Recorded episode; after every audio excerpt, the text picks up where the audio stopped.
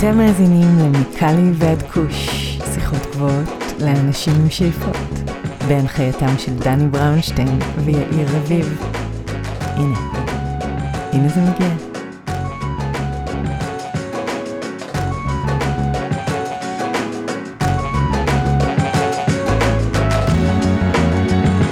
אהלן אהלן, מה קורה ארי?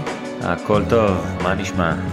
אצלי הכל שפיר וטוב, והיום יש לנו אורח מאוד מעניין בשם קייל בריץ', וגילוי נאות, אני עובד עם קייל בריץ' באופן די צמוד על מחקר קליני, לחברה קוראים הוליסטיק אינדסטריז ולמותג קוראים קנסוטיקה. אז עם קייל דיברנו על הרבה מאוד נושאים מעניינים, בעיקר על הוליסטיק, החברה, אחת החברות הגדולות ביותר בתעשיית הקנאביס האמריקאי, חברה פרטית ומרשימה מאוד עם אה, מגוון גדול מאוד של מוצרים וחנויות ברחבי הברית. אז אני מציע שפשוט נקפוץ אל הפרק, נאזין לו ונקשקש כרגיל אחרי. מה אתה אומר? בוא נצלול. אורייט, אז זהו קייל בריץ'. Kyle Berich, good morning. How are you doing? Good morning. Give us a sense of geography. Where are you in the world right now? I am talking to you from Princeton, New Jersey, which is not exactly the center of cannabis life, but it's the center of my life. Nice. So I'm based in Los Angeles, California, and Ari Singer, my co host, is based in Israel. How are you, Ari? I'm doing well, thanks. Awesome. So let's start with an easy one, Kyle. Tell us about your background and the reasons that led you into the cannabis space. Sure. Uh, well, thanks for having me. I um, spent many, many years, 25 years, in the healthcare communication space. Um, I was running when I left about five years ago. I was running a one of the largest healthcare ad agencies in the world, which is part of Omnicom, big publicly traded company. So it was a big corporate role where I had um, agencies all over the world, and I had a, a CEO role, and my clients were Pfizer and Biogen and Novartis and Genentech and every large pharma uh, and biotech company. So, as my mother would say and did say, "What? Why would you ever want to leave that? It sounds like an ideal job." Um, I said, "But mom, I'm not happy." And she said, "Nobody's happy." That's that's exactly what she said. In any case, I really wanted to get into the cannabis space. Um, I've just always been interested in the plant, um, and I really spent a couple of years trying to think of ways to use what I knew about healthcare and marketing and advertising to enter the cannabis space. Um, the first attempt or sort of uh, direction was going to be opening uh, an advertising agency in the cannabis space or a marketing consulting firm. But I think I just had had enough of doing that. For I, that's all I have ever done my whole life. So the idea was to come up with a product, and all I ever knew uh, are products that are chosen by physicians and then also chosen by consumers and the interaction between the, the two of them. Earlier in my career, I was put in charge of a, a very famous, now it's a very famous drug, but at the time it wasn't, uh, Viagra. So this was back in 19, 98 was is when the when the drug launched, and Pfizer came to us with uh, this idea of an impotence pill, and they already had started their clinical trials, and we were their agency already for many years. And I was put on this, and our team just didn't believe that any guy was going to go to a doctor and and say that they're impotent. Uh, and have a conversation. It's embarrassing and it's stigmatizing and uh, doesn't feel medical. Um, and we worked with with Pfizer to create a new way of talking about it. We unearthed the terminology from urology textbooks, erectile dysfunction (ED). Uh, we hired a, a U.S. politician, Bob Dole, and created a really giant direct to consumer campaign, which was novel at the time, and change really helped change that conversation between consumers and physicians, et cetera. So I go on that diversion to think uh, coming into the cannabis space, I thought the big idea would be to come in with a product and really work to destigmatize cannabis into the US market. And what I learned when I got here uh, right away was that that hardly was the issue. Stigma stigma wasn't really wasn't so much in the way, especially for something um, if there was a medical opportunity. Most people that I spoke to were very open to a medical uh, idea. So maybe I stop here for a moment because uh, I've talked for a while. Fast forward to 2023. What's holistic industries on a high level? Right. So, holistic industries, as you know, the cannabis industry is mostly dominated by a number of multi state operators that are vertically integrated, that grow and extract and manufacture and have stores, et cetera. And Holistic is definitely one of those. Uh, we're one of the larger private uh, companies in the space. Holistic, I would say, would be best known by our stores, which are Liberty Cannabis stores, and we have 17 of those that are open around the country. And then we have about six or seven brands, uh, with the leading brand that's most well known would be the Garcia handpicked cannabis brand. Jerry Garcia, I assume, for all the Deadhead fans. It. You got it. Or should we say Trixie Garcia, his daughter? who yeah, took over. Yeah, it's uh, it's a whole interesting story. If I could tell you real quick, which is that Trixie Garcia, who and her family uh, really were responsible, are responsible for Jerry Garcia's estate, and they've investigated all kinds of different licensing and royalty ideas for him. Um, and they've been looking for a cannabis partner forever, like four or five years and they talked. Trixie's very connected in Northern California to all the grower culture, and she spoke to a lot of them, and they can grow just about the best product probably anywhere in the world, but didn't necessarily have the ability to create a national brand to to uh, push the product across borders with having licenses in other states, having sort of marketing, sales, and have, being vertically integrated. All of the sort of business of the business was missing with the growers. And then they shopped it around to the, all the different multi state operators, as I started mentioning. And without going into the names specifically of who she spoke to, um, after meeting with us and we pitched her like a good old fashioned ad agency pitch with uh, with our specific ideas, she said, "We definitely want to go with holistic. You are the least douchey MSO." That's the well, biggest that's compliment, compliment, you can get, probably. yeah, that's amazing. So, you mentioned 17 stores. How many states are you currently operating in? So we are we have stores in uh, Pennsylvania, Maryland, Massachusetts. We have stores in California, um, and then New Jersey comes next. So some of these states are not uh, yet uh, recreational, right? So I assume correct. Are, uh, Pennsylvania and Maryland, Pennsylvania and Maryland uh, are not yet recre- uh, recreational. This year, Maryland uh, adult use will happen in the mid year. Pennsylvania, probably 2024. Cool. So, with that said, what are the main challenges to manage multiple operations in multiple states? Hmm.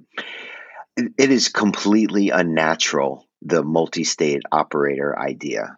Anyone who thought that it would be a good idea to put cultivation and extraction and manufacture and stores and all of the and wholesale and all of that in one company in a scary unusually regulated environment it's just a it's a very difficult thing to manage however if that's the game that we're dealt and that's the game we're playing then which mso can do it best is kind of what it's turned into for us how can you use all of these disparate parts and pieces and integrate them better than the competition so that you can create a high quality product at a low price because that's what the customer is demanding. Is there one area or state that is you know the most challenging compared to other states?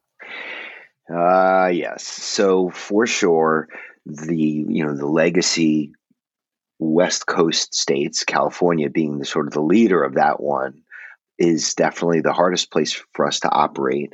Interestingly enough, Oregon and Washington, uh, which we acquired uh, a company um, a year and a half ago, and so now Oregon and Washington are part of Holistic's portfolio. Th- those are also incredibly challenging markets with crashing prices and oversupply and all of that. But that operation was built with that in mind, and uh, we've been able to actually be profitable uh, in those very difficult to operate states. And we've taken a lot of those learnings into what's coming into the East Coast soon enough.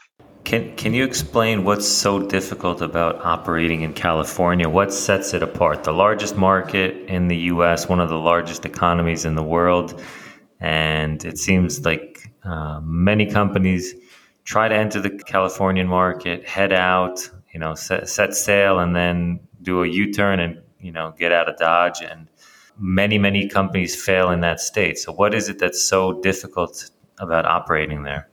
Yeah, well, there's operating in the cannabis industry to start with. So that's all of the challenges that you know about, you know, not being able to deduct your deduct your business expenses and you know, the banking challenges and all of the usual things. And then you go to California and it's California sized problems.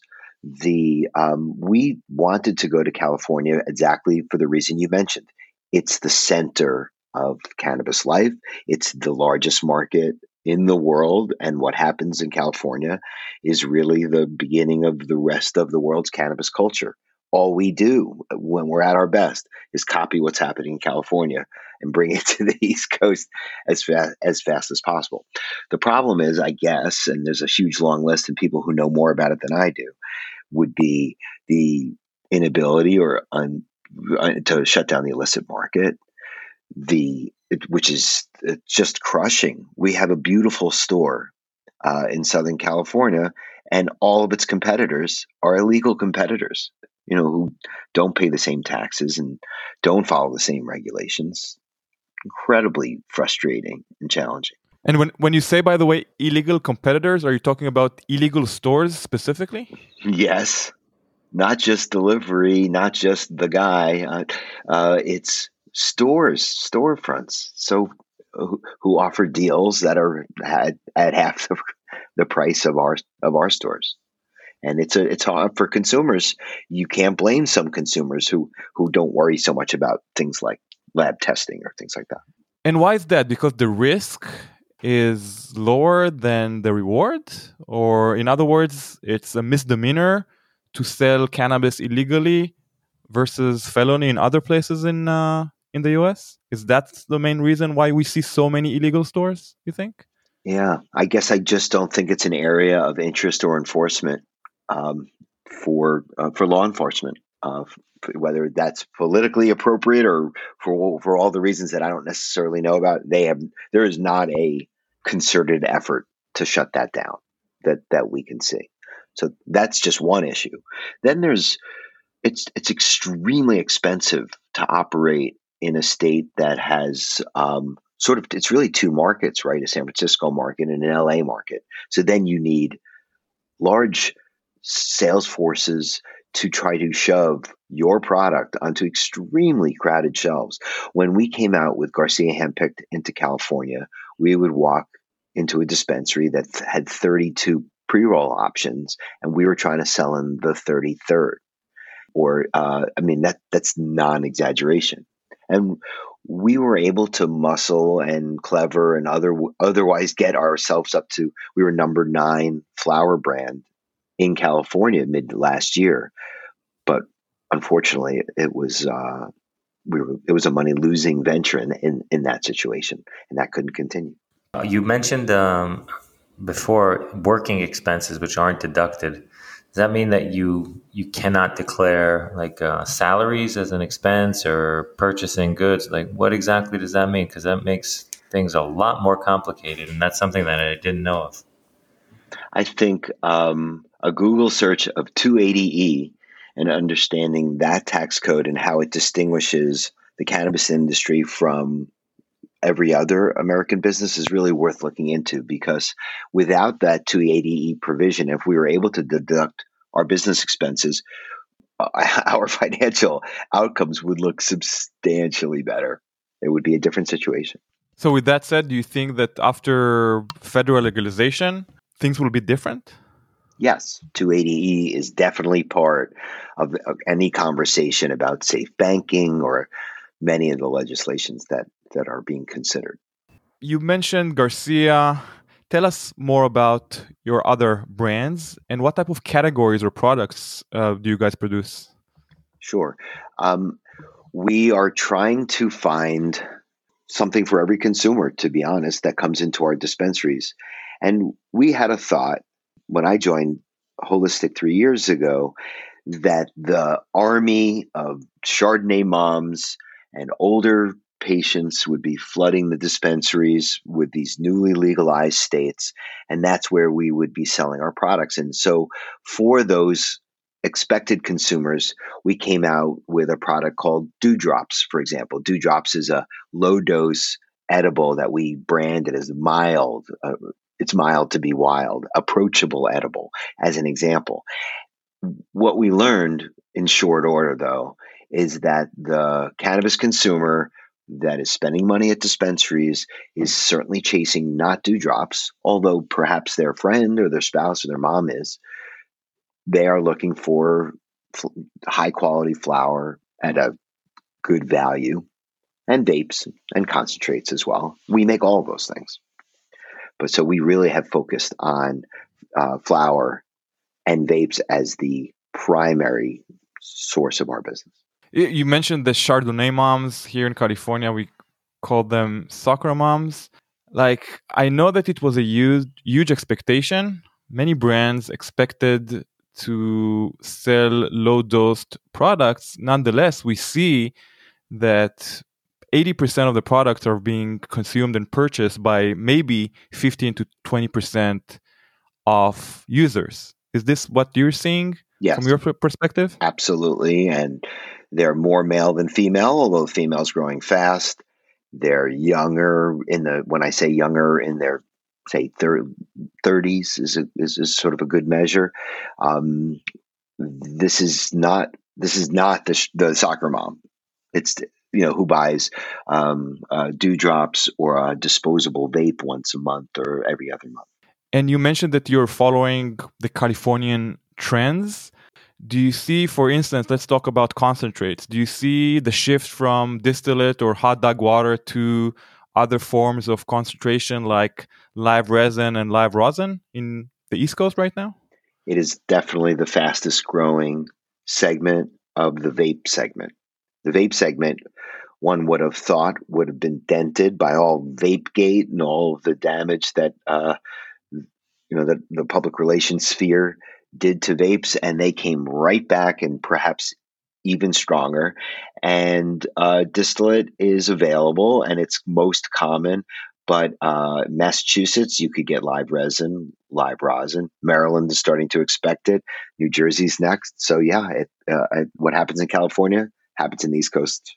It just just got to wait a little bit.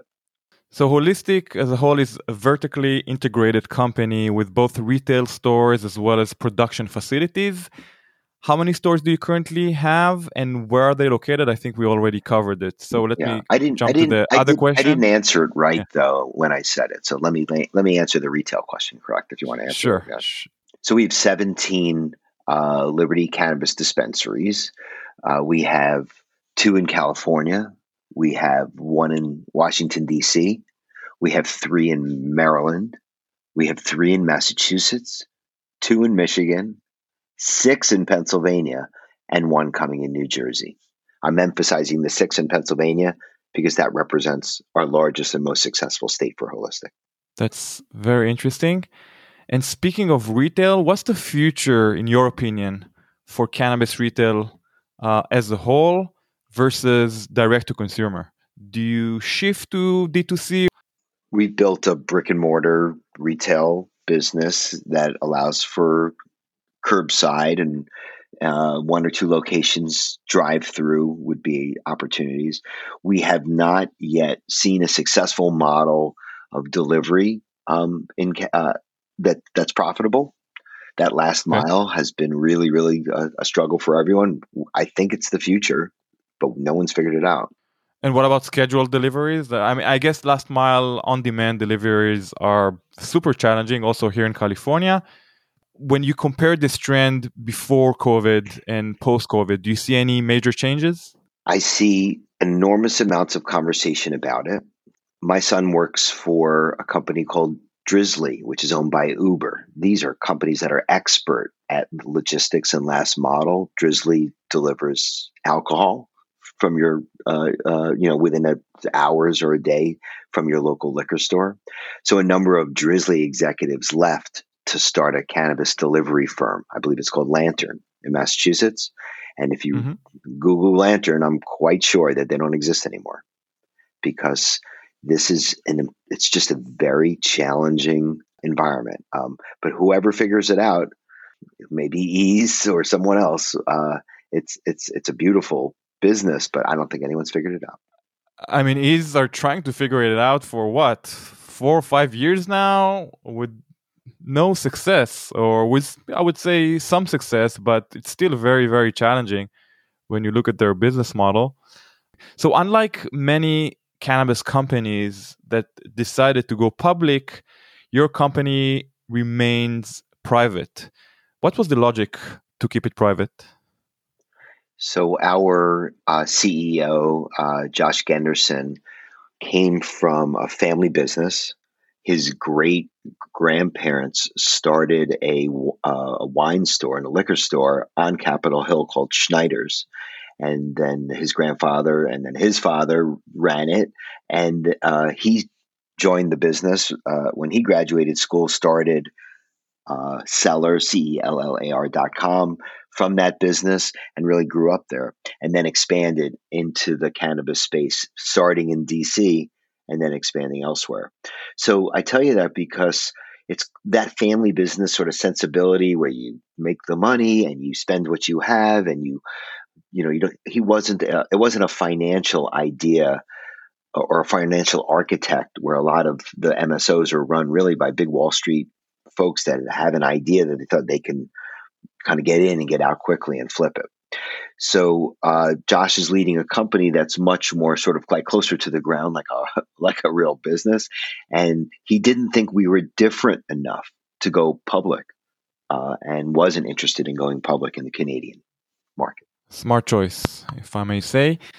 Do you think? I, yeah, I was uh, like uh, you brought up a good point. Like um, it's very difficult to differentiate yourself in the cannabis space, right? Everybody's selling flowers, and almost everybody then tries to ride on the hype strains and figure out, you know, or to create the hype strain, or you know, get the cut, the breeder's cut, or the clone. You know, it's it's very similar in the brands, and unless you come out with a super, super incredible product, which is really different from everything else. You are very much uh, similar to everybody else. I think it really comes down to how well you market your product and how, how well you market your brand. But uh, I do think that that's a very good point. Uh, the, the fact that, you know, in Israel now we have about 40 something different companies. They're all selling the same stuff pretty much. So it's a very good point.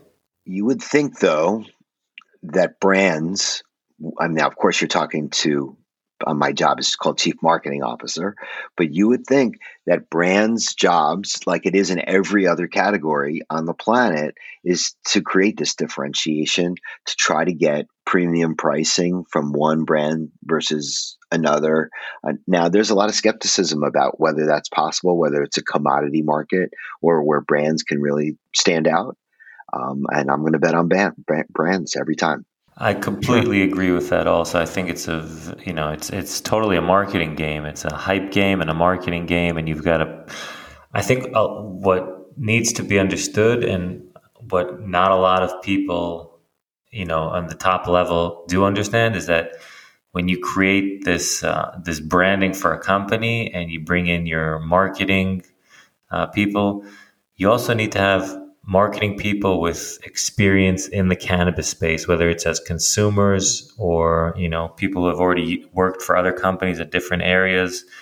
But I think that a lot of people who entered the space had tons of experience in marketing, whether you know cars, for instance, or or food, and all of a sudden you enter this market, which is completely different. It's uh, you know, it's cannabis consumption. May, may, maybe some of them didn't even experience, you know, or indulge in cannabis ever, and here they are trying to market this product to people who do consume it, who have never been, you know, they've never had anything advertised to them when it comes to cannabis. It's always been, you know, oh, how's the bag look? It looks great, smells good. Yeah, okay, I'll take it. You know, let's go.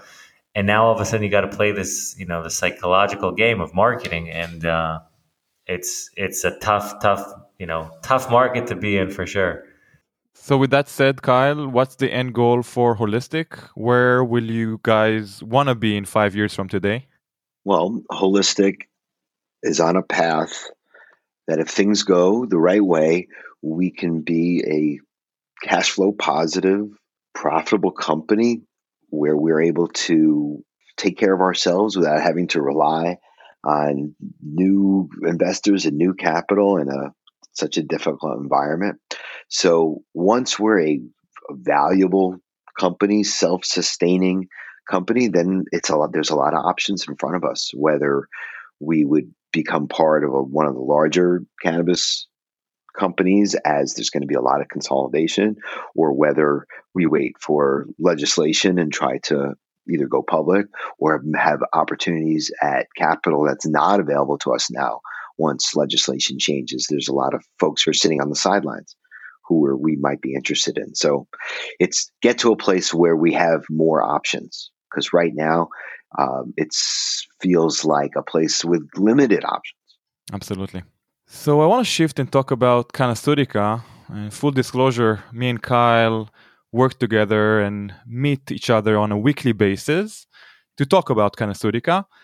And to me, Cannasoutica is one in a kind because it aims to the medical community, which is rare to find these days. So, what is it exactly, and how are you going to make it tr- a trusted cannabis product among the mainstream medical community?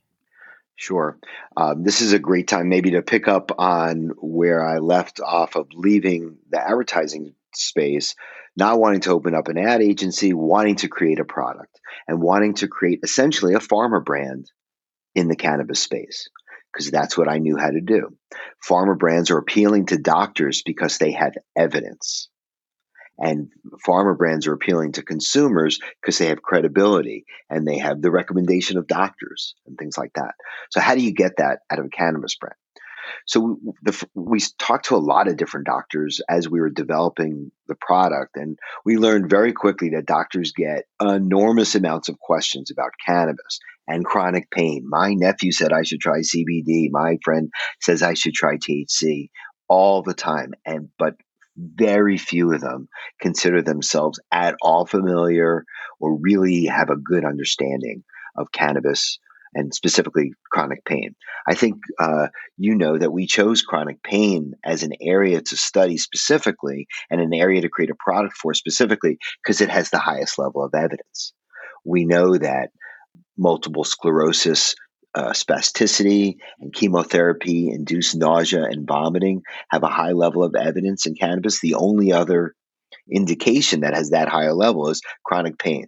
And chronic pain is the most common complaint. It's the most re- it's the most common reason why people go to the doctor. It's 50 million people.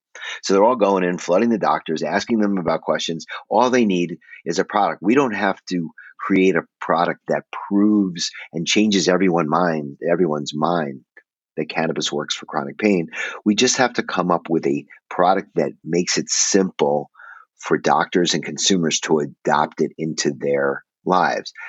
That's why we chose capsules because capsules are familiar and look and feel like medicine and we don't have to change people's beliefs or behavior uh, by teaching grandma to vape or something like that and we chose dosing and formulations based on all of the evidence that has been created in the past. There's something like 25,000 articles that you can read about studies of varying quality.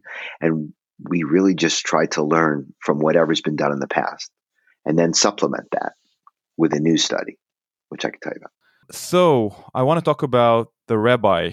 Um, because another element that makes you unique is your in-house rabbi. Can you please tell us about him and his role in the company? Sure. Uh, rabbi James Kahn uh, comes from a very interesting family because his father is also a, uh, is also a rabbi, which that's not so unusual.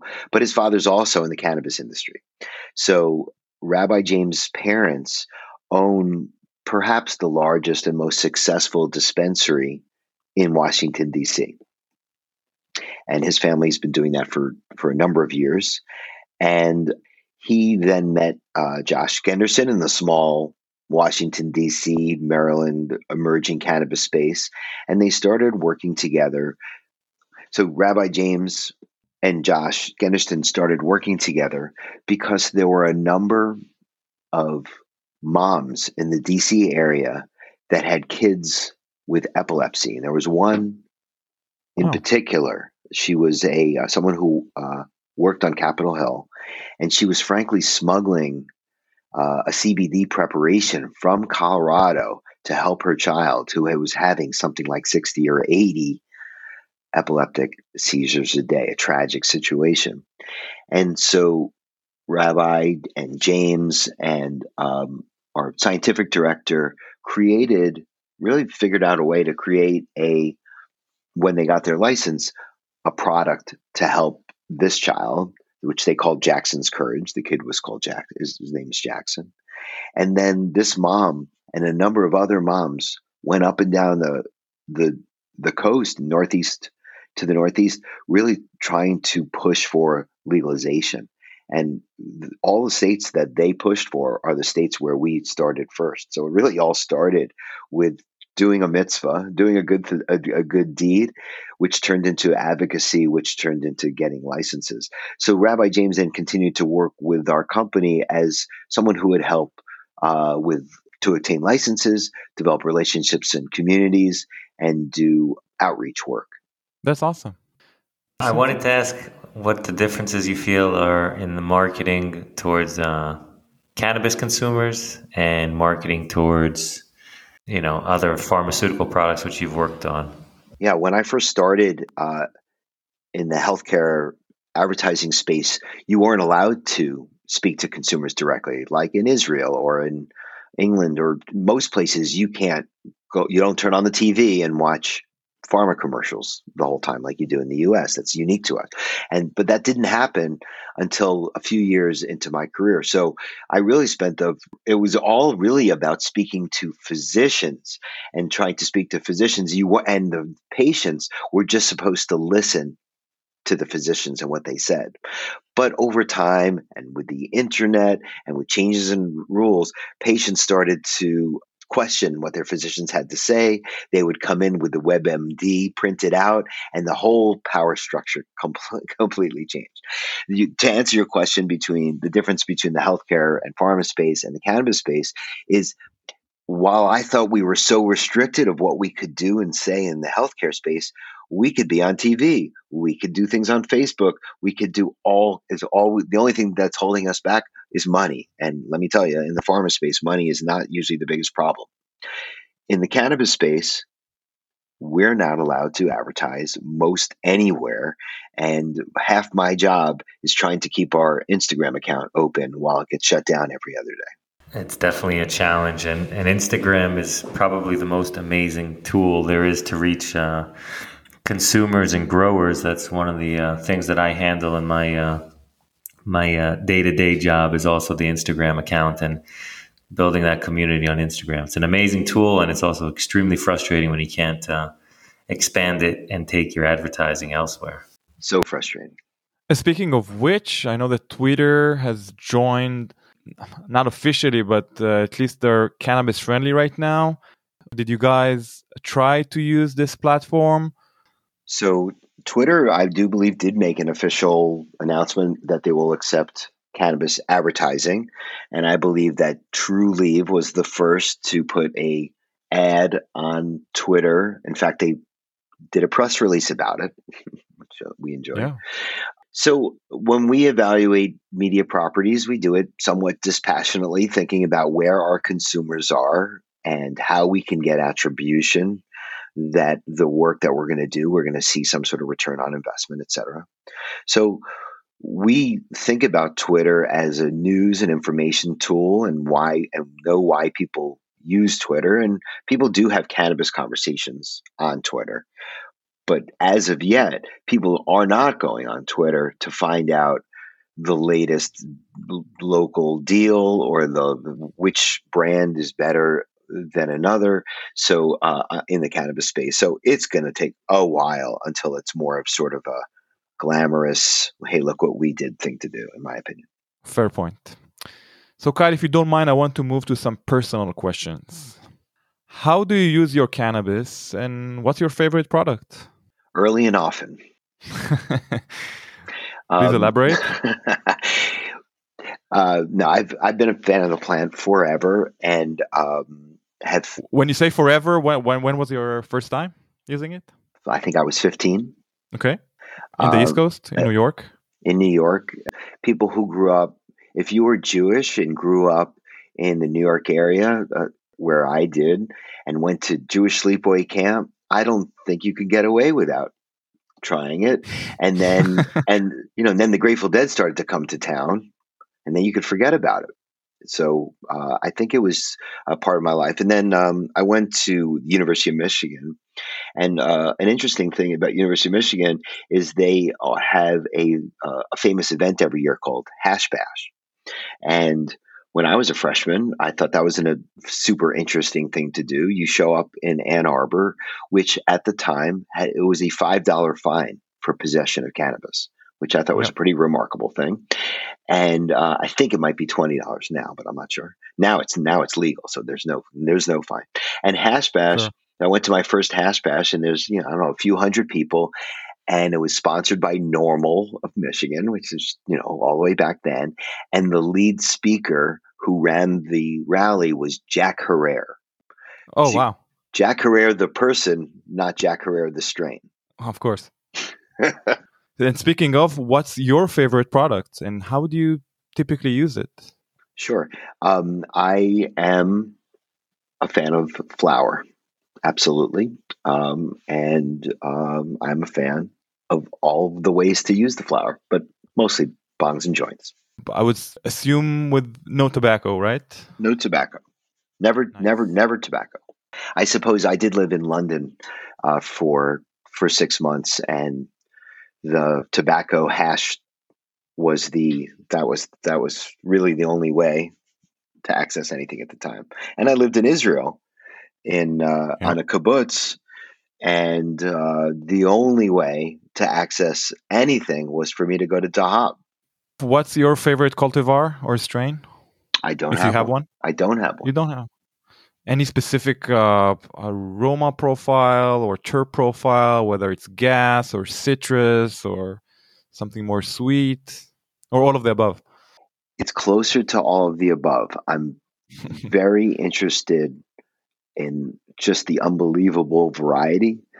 I'm interested in the variety, just as you talked about, like the you can dial the wheel on variety of terpenes, THC potency, flavor, and it, it, to me, it's like going to a wine store. Um, because sure. I'm in the industry and I get access to lots of things to try, I, I variety is the most interesting part of it for me, to be honest. Absolutely. So, what other players do you appreciate in our space, whether it's in the US market or otherwise? Yeah. Well, one of the biggest evolutions um, that I've had to see for us as a company is to understand that we are creating products for our customers, and our customers and us are not always the exact same person. So I get excited when I see customers react really positively to a brand, whether it's my taste or not. So it's like the Stiiizy and Jeeters of the world, while not my personal taste, I think have unlocked uh, a part of the culture that any brand would want to, and it shows up in their, I'm sure, in their financial outcomes. Stiiizy has done an amazing job. I've visited their uh, facility in uh, in LA and also uh, the uh, dispensary, and they did just an unbelievable job at marketing and branding. And um, they didn't, you know, they they didn't even they didn't even grow their flower to begin with, right? It was all outsourced, and they only moved into cultivating their own stuff after they had built their brand up, which is very interesting. So that's a cool uh, cool story for you know business uh, cannabis business school 101 and um, absolutely absolutely yeah. whether or not it's your taste or not that's a great it's a great business story of course if i would if if you said oh go smoke anything i probably would get royal key living soil flower and uh, be Sure. very, very happy about it. But it's hard to get. Yep. So we spoke about vapes and other categories. What other categories or segments excites you the most? I've watched um, the concentrate category try to really take off on the East Coast without a ton of success so far. So that's not my biggest excitement.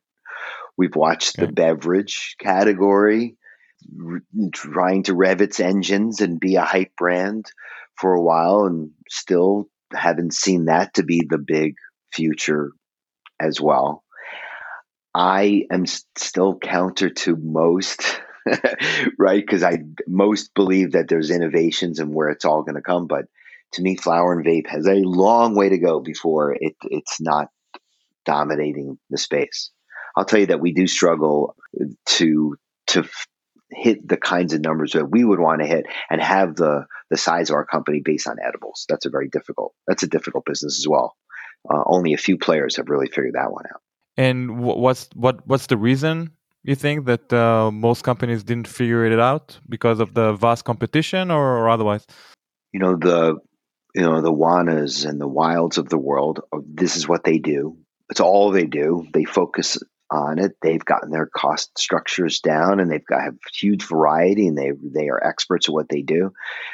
I think most others uh, have acceptable products including our own. We have some really great ones. We love jerry's picks. It's an amazing product for garcia handpicked but ultimately trying to create a differentiated edible brand I think it's a tough. I think it's a tough space.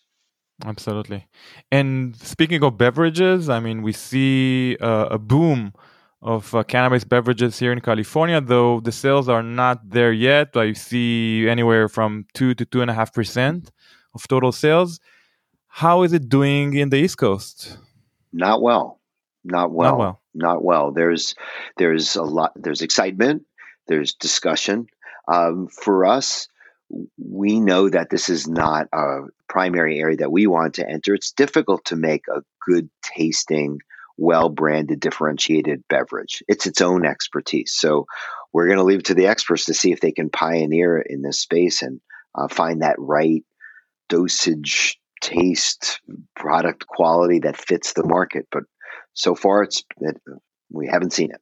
And what's what do you think the main challenge is? Is it the, the price point? Is it the you know the real estate? Maybe both. Yeah, it's so interesting. The it kind of goes back to where we started, where the primary customer in dispensaries today are looking for higher potency products at low value, and at high value, and the the beverage segment doesn't offer that quite the same way. You know, perhaps if you know high potency shots and things like that might be more appealing, but the the form factor is just not familiar to the customer necessarily in this context. And um, it just requires a whole other infrastructure of, you know, refrigeration and things like that that uh, dispensaries have to be down with. So it's a it, it it's it's not a no. It's just a not now. For sure. אוקיי, okay, אז הרעיון שלנו נחתך באופן לא צפוי בעקבות כמה קשיים טכניים שהיו לקייל, עמכם הסליחה, ונעבור מפה ישר לשיחה שלי עם ארי. אוקיי, אז זה היה קייל בריץ', הוליסטיק אינדסטריז וקנסוטיקה. מה דעתך ארי? אחד הדברים שממש אה, לקחתי מזה זה הקושי האדיר שיש בלנהל אופרציה מולטי סטייט בכמה מדינות בתוך הברית והאתגר האינסופי הזה של באמת לקחת את הדבר הזה ולנהל את זה פתאום אתה לא יכול להוריד אה, הוצאות עסקיות זה משהו זה, זה מטורף לחלוטין שאתה חושב על זה מבחינת אה, לנהל עסק. זה, זה לא יאומן ואני עכשיו אחרי השיחה הזאת אני מבין הרבה יותר למה כל כך הרבה עסקים בתחום הזה נסגרים כן העניין הזה של החוקיות הפדרלית והבנקאות זה סמטוחה שאי אפשר אי אפשר לדמיין אותה לפני שנכנסים וזה באמת מכשול אדיר. אז אם עד עכשיו לא הבנתי למה כל כך הרבה חברות נכנסות לקליפורניה ויוצאות מקליפורניה או מתחילות בקליפורניה ואז עוזבות את קליפורניה, אחרי שאני אקרא את ה-280E הזה אני כמובן אבין את זה עוד יותר, אבל מבחינתי זה ממש הפתיע, זה לא משהו שידעתי לפני זה. מעבר לזה, הרעיון של לפרוס את עצמך על פני כמה מדינות, יש בזה המון היגיון, יש בזה הרבה היגיון גם להגיע למדינות חדשות, כן, ש, שעדיין השוק עוד uh, בתולי, לעומת קליפורניה שכבר יש לך מותגים, שכמה שנים טובות כבר רצים עם המותגים האלה, ומי שמתבסס שם, זה יהיה מאוד קשה להפיל אותו מה, מכיסא המלך מה שנקרא. אני נוטה להסכים עם רוב מה שאמרת, היעדר הבנקאות והמבנה של המיסוי שהוא עקום לחלוטין, עם כל האתגרים האחרים שהזכרנו רק חלקם, אם זה תחרות בלתי אפשרית עם השוק המסורתי, אם זה אופרציות או בנייה של אופרציות במלא מקומות במקום ריכוזיות ובנייה של אופרציה גדולה במקום אחד, כמו שרוב חברות הענק בתעשיות אחרות, אם זה משקאות, מזון, מכוניות, you name it, לרוב מרכזים את המפעלים שלהם ואת כוח עבודה במקום אחד, אז כן, זה כמעט בלתי אפשרי לעשות את זה בהרבה מאוד מדינות. שוב, התחרות הזאת עם השוק השחור, אותו שוק שלא משלם מיסים, שלא צריך לפעול לפי רגולציה. לא מפחד גם ו... מהרגולציה בכלל. לא מפחד כי שוב כמו שהוא אמר ברוב המדינות החוקיות, אם זה קליפורניה או ניו יורק וגם שווקים אחרים, אתה יכול לפתוח חנות לא חוקית, לקחת את הסיכון הזה שיתפסו אותך, ואז יתפסו אותך, סביר להניח אחרי שנתיים או פחות, תשלם איזה קנס די זעום, לא ייפתח לך תיק פלילי, לא תשב במעצר או בכלא, ופשוט תמשיך לחנות הלא חוקית הבאה שלך. זאת אומרת שיש פה איזה סוג של מעגל שקשה מאוד לשבור אותו, בגלל החוקים המקלים על, על אותם אה, אופרציות לא חוקיות. ושוב, אתה כאופרציה חוקית או כחברה שחייבת לעמוד בכל הכללים והחוקים ולהתחרות עם אותם חברות או אותם חנויות לא חוקיות שלא משלמות מיסים, אה, שמוכרות את המוצרים שלהם בחצי מחיר או אפילו פחות. תשמע, זה כמעט תחרות בלתי אפשרית. בעיקר לאותו קהל שדיברנו עליו, אותו 20% שקונה את ה-80% מהמוצרים שנמצאים בשוק, משתמשים כבדים שבאמת קונים את המוצרים הפוטנטיים ואחראים לרוב המכירות בשוק. איך אתה משכנע את אותו קהל לעבור מאותו דוד שהם קנו ממנו הרבה מאוד שנים אל חנות אה, מצוחצחת ומתוקתקת אה, אבל גם יקרה הרבה יותר בלתי אפשרי לא לא יכול להבין איך אה, איך הם יכולים לשרוד בכזה אקלים. ואתה לא יכול לפרסם לו ברוב אה, ערוצי המדיה. נכון נכון. אני רואה פרסומים כן. לאיז לדוגמה שם אתה יודע על הבילבורדס האלה שאתה נוסע בקליפורניה את הדברים האלה אתה כן רואה אבל אה, אתה רואה קצת סטיזי אתה רואה קצת דברים כאלה אבל אתה יודע, בשביל לתפוס. Yeah, אבל לא רואים את זה כמו שאתה אומר, לא בעיתונות מיינסטרים, לא בסושיאל מדיה, אה, לפחות לא עד אה, לאחרונה שטוויטר הסירו את הכפפה והחליטו לשנות את הכללים. אבל שוב, טוויטר זה לא ה-go to platform בשביל לחפש קנאביס או... לדעתי או... טוויטר הולך להפוך ל-go to platform להרבה מאוד דברים בגלל כל הצנזורה שאנחנו עדים לה בשלוש שנים האחרונות והרכישה של אילון מאסק שבא ו... משנה המון המון דברים וחושף שחיתויות ופרשיות שידענו שזה קורה, כן? לפחות מי שעקב אחרי הדברים בשלוש שנים האחרונות ידע שיש פה צנזורה מאוד מאוד אה, עמוקה, בטח אם היית מסתכל בגוגל לעומת אה, דברים שאתה יכול לראות בדאק דאק גו, יש דברים שכתבות שלמות ומחקרים שלמים שפשוט אה, צונזרו לחלוטין, ואותו דבר בפייסבוק אה, ואינסטגרם ו... טוויטר עד לא מזמן, עד שאילון קנה אותם, אז הפלטפורמה של אילון, אני יודע גם מהיכרות עם מגדלים ביתיים שפתאום מתחילים לפתוח חשבונות בטוויטר וכנראה יפחיתו את ההעלאות שלהם ואת השימוש באינסטגרם לדוגמה, הם עוברים לטוויטר, כי אתה גם יכול לכתוב דברים ואתה גם יכול להעלות תמונות וסרטונים, אז טוויטר נראה לי הולך להיות מקום מאוד מאוד חם בשנים הקרובות. Yeah. ואני חושב ש... יודע, אני מקווה שהם יפתחו את הצוהר כי כמו שאמרנו היסטורית טוויטר זה לא הפלטפורמה שאנשים שמחפשים קנאביס הולכים אליה.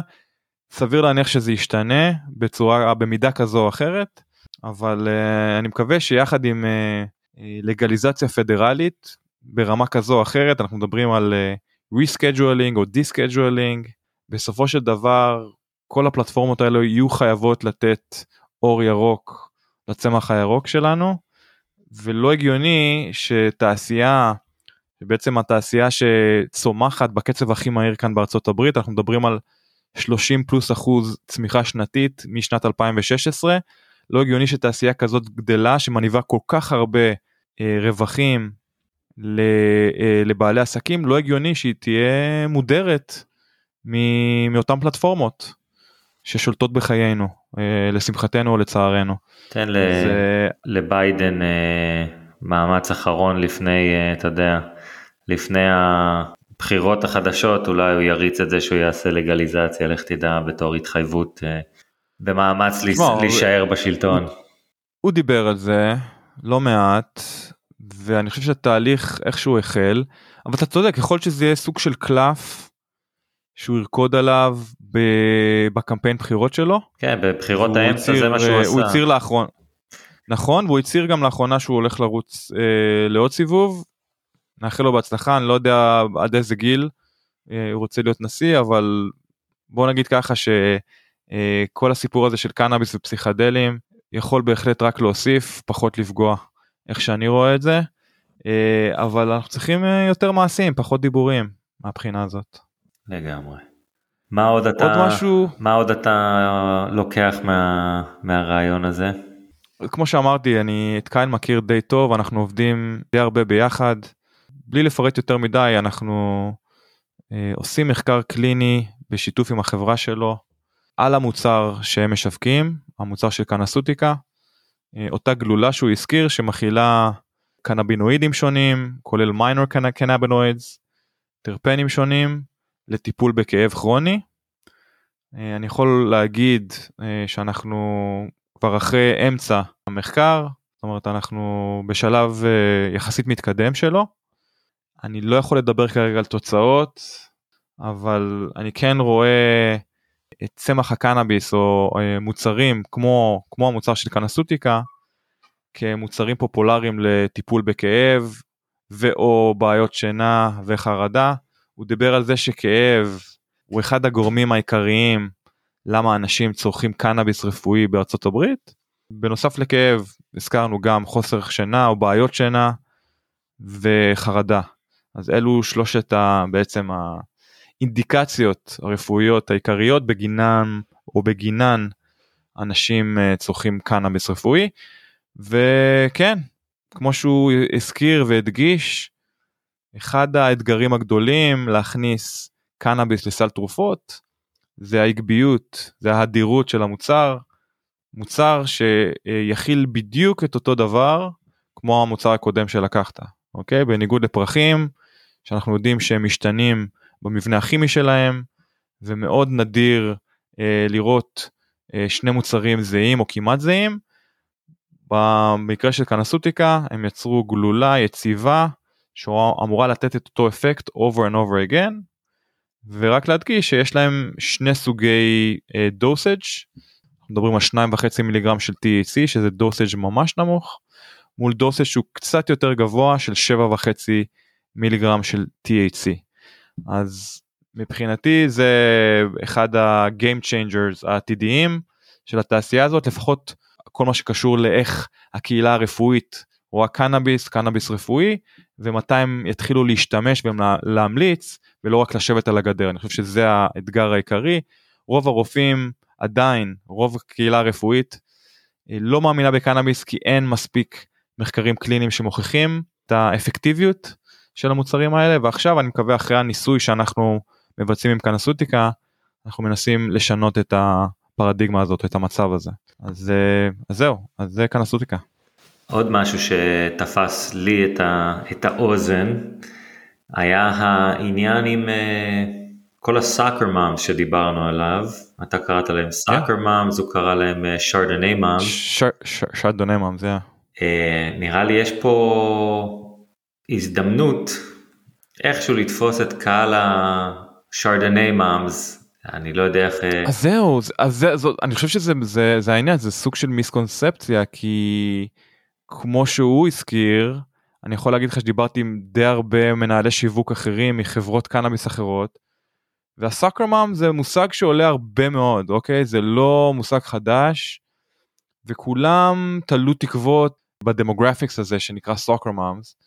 נגדיר את זה פשוט אחרת, צרכנים מתחילים קלים נקרא לזה ככה. כאן זה צרכניות קלות ומתחילות. כן במקרה הזה צרכניות אבל כמובן זה שם קוד לצרכנים מתחילים בעצם אנשים שהיסטורית הם לא צרכני קנאביס כבדים או בכלל והם החליטו לעשות איזה שינוי בחיים שלהם אם זה בגלל שהם הפסיקו לשתות אלכוהול או אם זה בגלל שהם החליטו לתת לזה הזדמנות כי, כי זה נהיה חוקי איפה שהם גרים וכולי וכולי. מדובר על משתמשים עם טולרנס מאוד נמוך אוקיי וכשנדבר על טולרנס נמוך אנחנו מדברים על בין 2.5 ל-10 מיליגרם למנה אוקיי רוב המשתמשים האלה לא יכולים לצרוך יותר מ-10 מיליגרם אם זה באלבו אם זה בווייפ או אם זה בעישון. שורה תחתונה הם צורכים מעט קנאביס בניגוד נכון. לאותם צרכנים כבדים שצורכים יותר ויותר הרבה בכל uh, בכל סשן. כן. אז מהבחינה הזאת אני חושב שזה אחד האתגרים. הם פשוט לא קונים ולא צורכים מספיק קנאביס. וגם אם הם מתרבים והם הולכים ומתרבים אנחנו יודעים את זה יש יותר ויותר סאקר מאמס ויותר ויותר אנשים שמנסים קנאביס בפעם הראשונה. אוקיי אז הם קונים אה, חבילה של אדבוס פעם בחודש או פעם בחודשיים וזהו. בניגוד לאותו צרכן כבד שקונה את אותה חבילה של אדבוס כל יומיים או לפעמים אפילו כל יום. אז מהבחינה הזאת אנחנו לא נראה לי שנראה את הבשורה מתישהו בקרוב. אני לא חושב שיהיה פה איזה שינוי מהותי.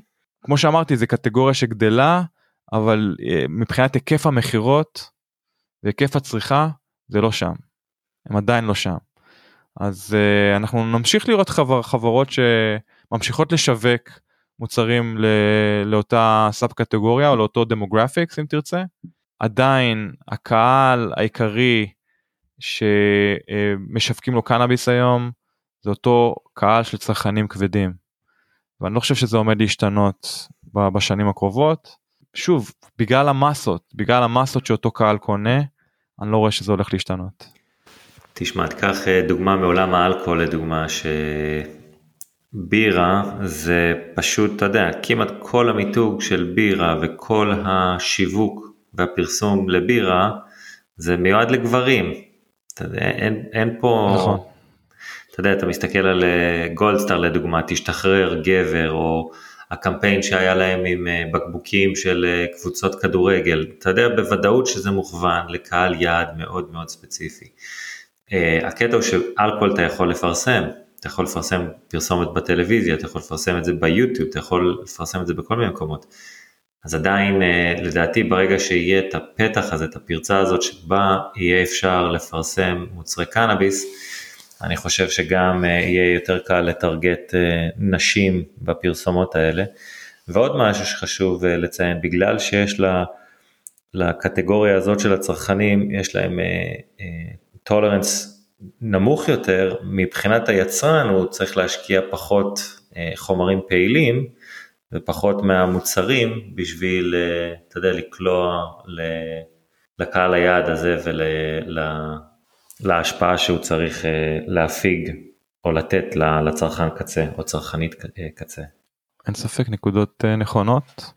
זהו זה לגבי הרעיון עצמו אני חושב שהרעיון מאוד מעניין ואני מציע מאוד לעקוב אחרי החברה שלהם אחרי הוליסטיק אינדסטריז וקצת להבין איך MSO חברה שמתפקדת במספר מדינות מצליחה לתפקד ולשרוד. בלי לגייס כסף מה, מהציבור. כן, בלי, בלי באמת להפוך לחברה ציבורית. יפה, אז אם ככה זה היה פרק 141 עם קייל בריץ'. אני מודה לך מאוד שוב ארי. שיהיה שבת שלום, שבת של שקט, אם אתה גם נכנס לעניינים של רגעי פריידיי או פריידיי רגעי, תהנה מה, מהגרוב. אם כבר אנחנו מדברים על, uh, על מנהגי יום שישי שקשורים במוזיקה, לי היה מנהג uh, לשמוע סינטרה כל יום שישי, אני לא יודע, סינטרה איכשהו מתקשר לי עם חופש ושמחה ואווירת שבת משום מה, אבל אתה יודע מה, אני גם חותם על רגעי uh, פריידי, אני זורם גם עם זה, אין שום בעיה. נשמע טוב, נשמע טוב. אז uh, לא משנה אם זה סינטרה או רגעי, לכו תאזינו למוזיקה שתעשה לכם קצת טוב על הנשמה, כי זה באמת תרופה. זה לא קלישאה, אנחנו באמת מאמינים בזה, לפחות אני באופן אישי, אני בטוח שגם אתה. אני איתך לגמרי. יפה, אז uh, שבוע טוב uh, ושקט לכולם, נקווה לשמוע בשורות טובות. ביי בינתיים. ביי ביי. תודה שהאזנתם לתוכנית. אם נהניתם ממנה ומהאורחים שהבאנו לכם, נשמח אם תדרגו אותנו בחמישה כוכבים. כל דירוג או ביקורת חיובית יעזרו לנו להמשיך להביא לכם את האורחים הכי שווים בתעשיית הקנאביס. יש לכם הצעה לאורח או נושא מעניין? נשמח לקבל בקשות והצעות לגבי נושאים או אורחים שמעניינים אתכם, המאזינים שלנו. אנא כתבו אלינו ל- From Kali to Push at gmail.com From Kali to Push במילה אחת at gmail.com אנא אל תיקחו את האינפורמציה שמוגשת בתוכנית כעצות רפואיות או עסקיות. צרו קשר עם הרופא שלכם או כל גוף רפואי מורשה אם אתם מעוניינים לצרוך קנאביס לשימוש רפואי. התוכנית נעשית מתוך אהבה ותשוקה לצמח הקנאביס, אך אינה מעודדת קנייה לא חוקית של מוצריו. תודה על ההאזנה, נשתמע בקרוב. צ'או.